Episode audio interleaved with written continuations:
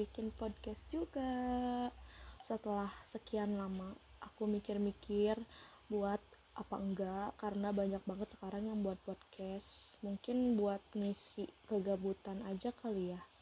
Udah lama uh, di rumah aja. Aku tuh di rumah aja udah sam udah hampir sebulan ya. Karena aku kan kerja udah diliburkan. Nggak di PHK tapi cuma diliburkan dari pertengahan Maret sampai sekarang hari ini. Dan bingung banget gak ada aktivitas apa-apa karena aku kan kebiasaan kerja ya kerja dari pagi sampai sore bahkan sampai malam. Jadi waktu di rumah itu bener-bener bener-bener cuma dipakai buat tidur dan rebahan doang gitu. Dan sekarang selama dari bulan Maret itu sampai sekarang teh bener-bener ih rebahannya teh udah udah bosen udah sampai bosen dia rebahan terus gitu ya. Ya walaupun gak rebahan terus ya ada mandinya ada bangunnya ada makannya gitu. Tapi kan pasti kebanyakannya tuh rebahan lihat handphone scroll uh, apa IG scroll mantan. Eh stalking kok scroll sih? Stalking mantan. Ya gitulah pokoknya ya. Banyak yang dipikirkan kalau diem di rumah tuh. Mungkin sebagian orang juga ada yang uh, have fun aja kali ya diam di rumah. Bisa kumpul sama keluarga bisa ada waktu buat istri buat anak yang udah berumah tangga. Kalau buat aku yang jomblo mah hmm, meratapi we kesedihannya.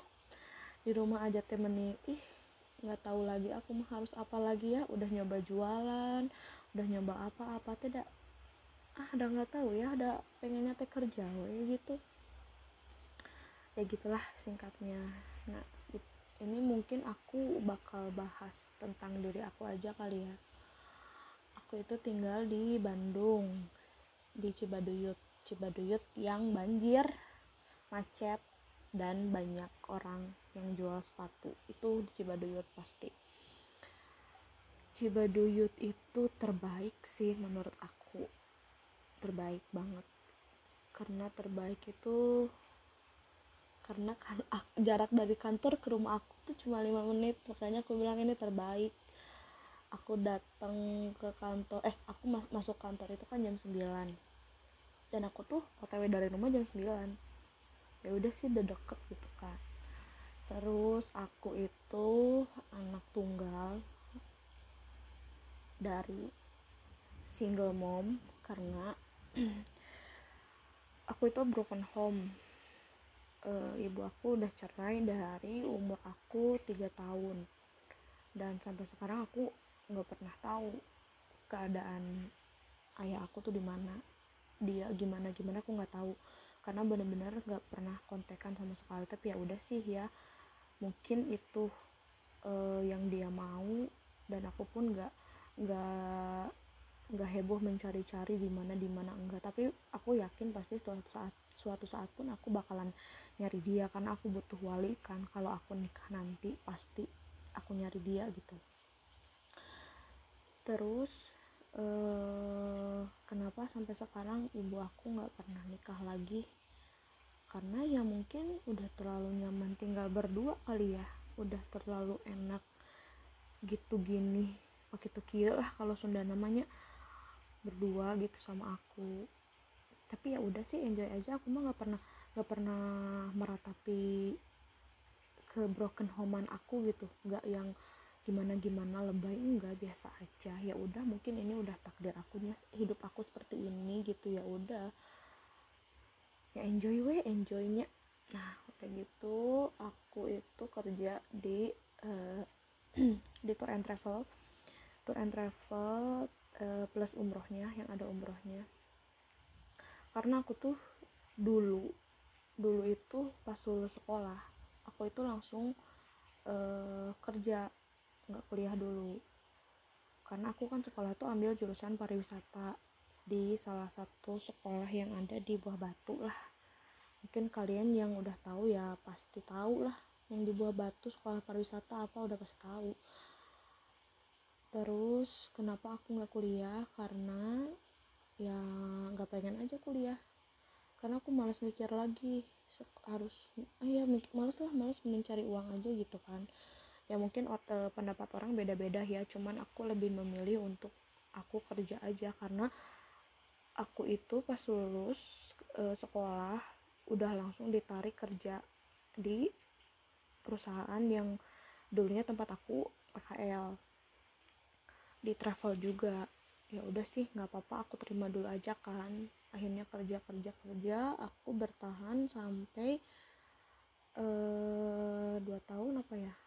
Dari 2015 sampai setahun lebih lah nggak dua tahun ya mau dua tahun lah aku kerja di travel. Terus akhirnya aku eh travel aku tuh bangkrut bukan aku yang keluar dari perusahaan itu travelnya bangkrut terus akhirnya aku cari-cari kerja nyobain kerja di uh, IndiHome jadi SPG tapi karena mungkin aku orangnya uh, bukan males sih nggak bisa target juga kan. Kerja itu kan ditarget kan. Uh, di IndiHome itu kerjanya ditarget jadi gaji itu sesuai kita aja sesuai pendapatan kita aja. Dan aku nggak bisa kerja kayak gitu.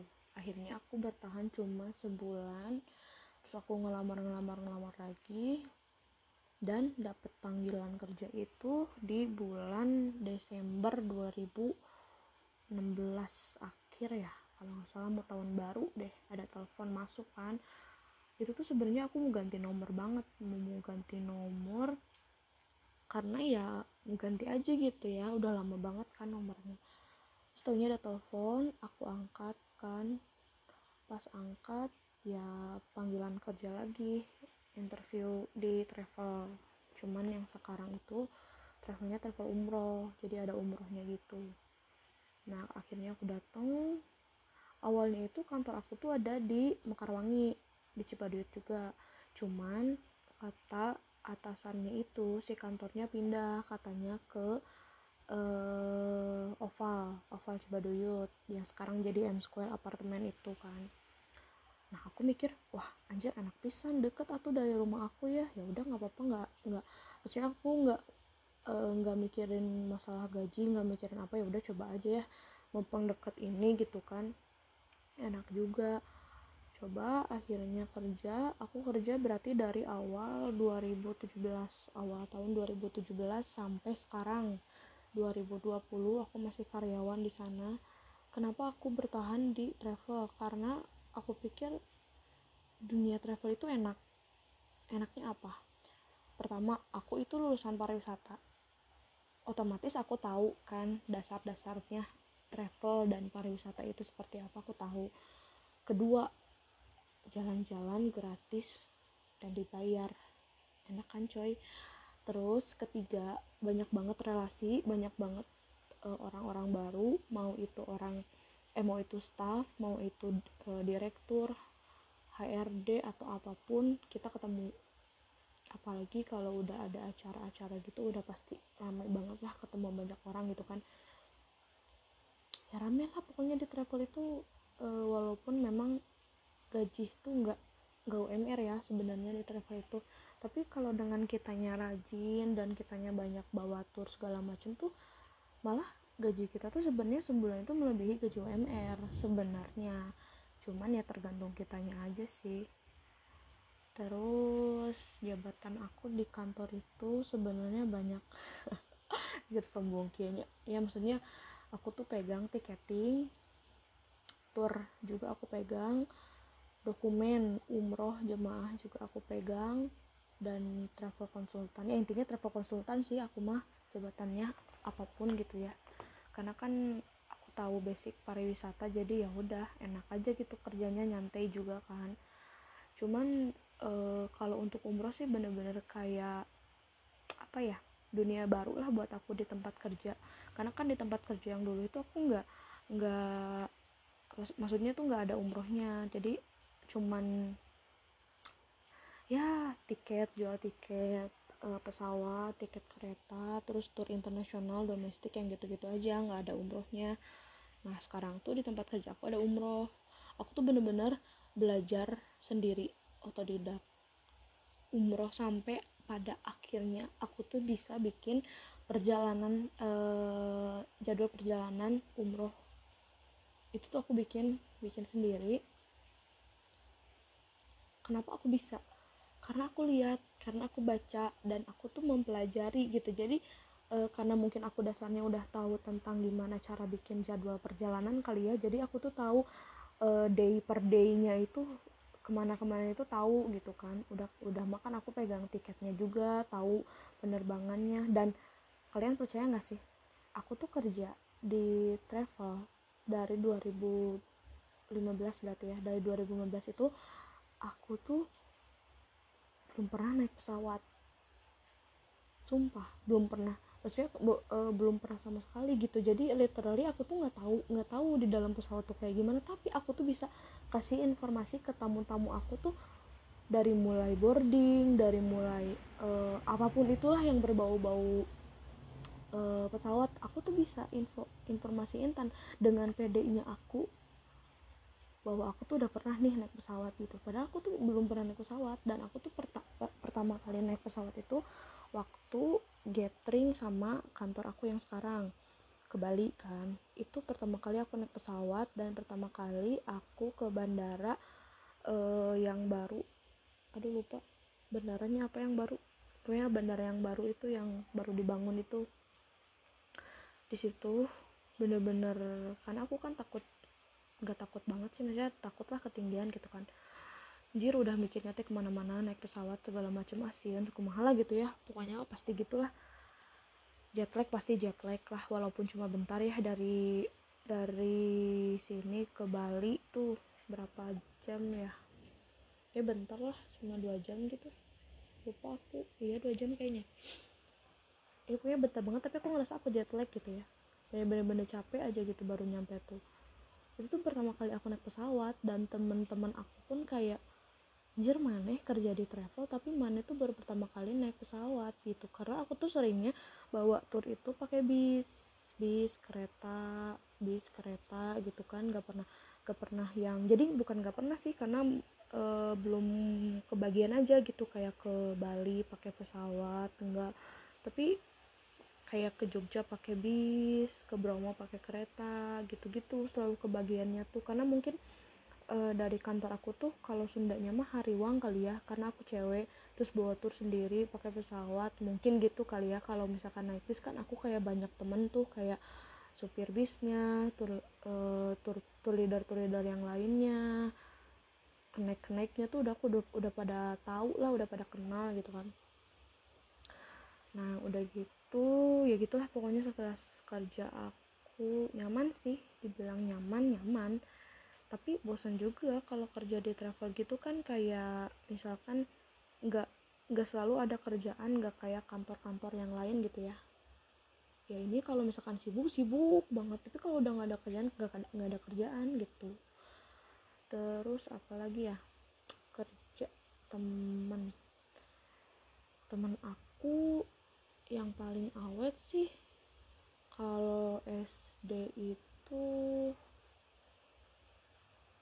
cuma beberapa sih kalau SD banyaknya aku temen tuh yang deket SMP SMK karena aku susah pisan cari temen yang bener-bener temen teh kayak apa ya yang bisa nerima kita gitu loh. Susah pisan. Dan dan semakin kita gede tuh semakin biasanya semakin dewasa kita tuh semakin susah uh, cari temen yang benar-benar temen. Sampai sekarang aku punya temen nih uh, eh, SMK kita tuh dulu eh, nggak uh, begitu deket ya. Nggak begitu deket dan dulu tuh kita sempat clash juga sih. EXO sorry Wulan.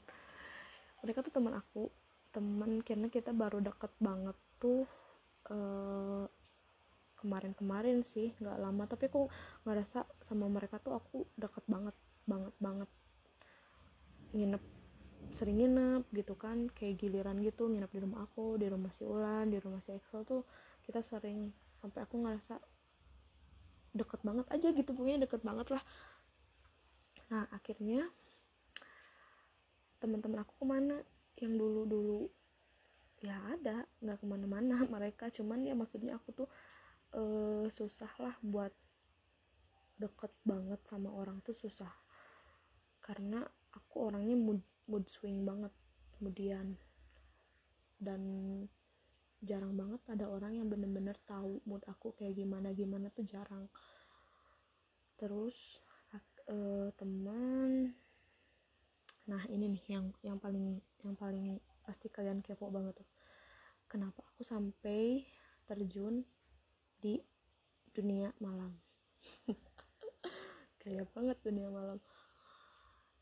Kenapa? Ya nggak apa-apa. Pengen nyoba aja ya. Apa salahnya ya kalau hidup mah nyoba-nyoba aja. Nggak apa-apa. Aku tuh pertama kali ke dunia malam kayak gitu tuh aku SMA kali ya? Iya SMK kelas berapa ya? Lupa aku kayak SMK aja. Awalnya emang risih risih banget duh kayak nggak bisa nih nggak bisa nih gue ada di sini nggak bisa nggak bisa tapi akhirnya lama kelamaan eh, dunia itu membuat aku nyaman membuat aku ketagihan semakin sini semakin sering aku banyak teman banyak gimana sampai akhirnya hampir tiap hari tiap minggu.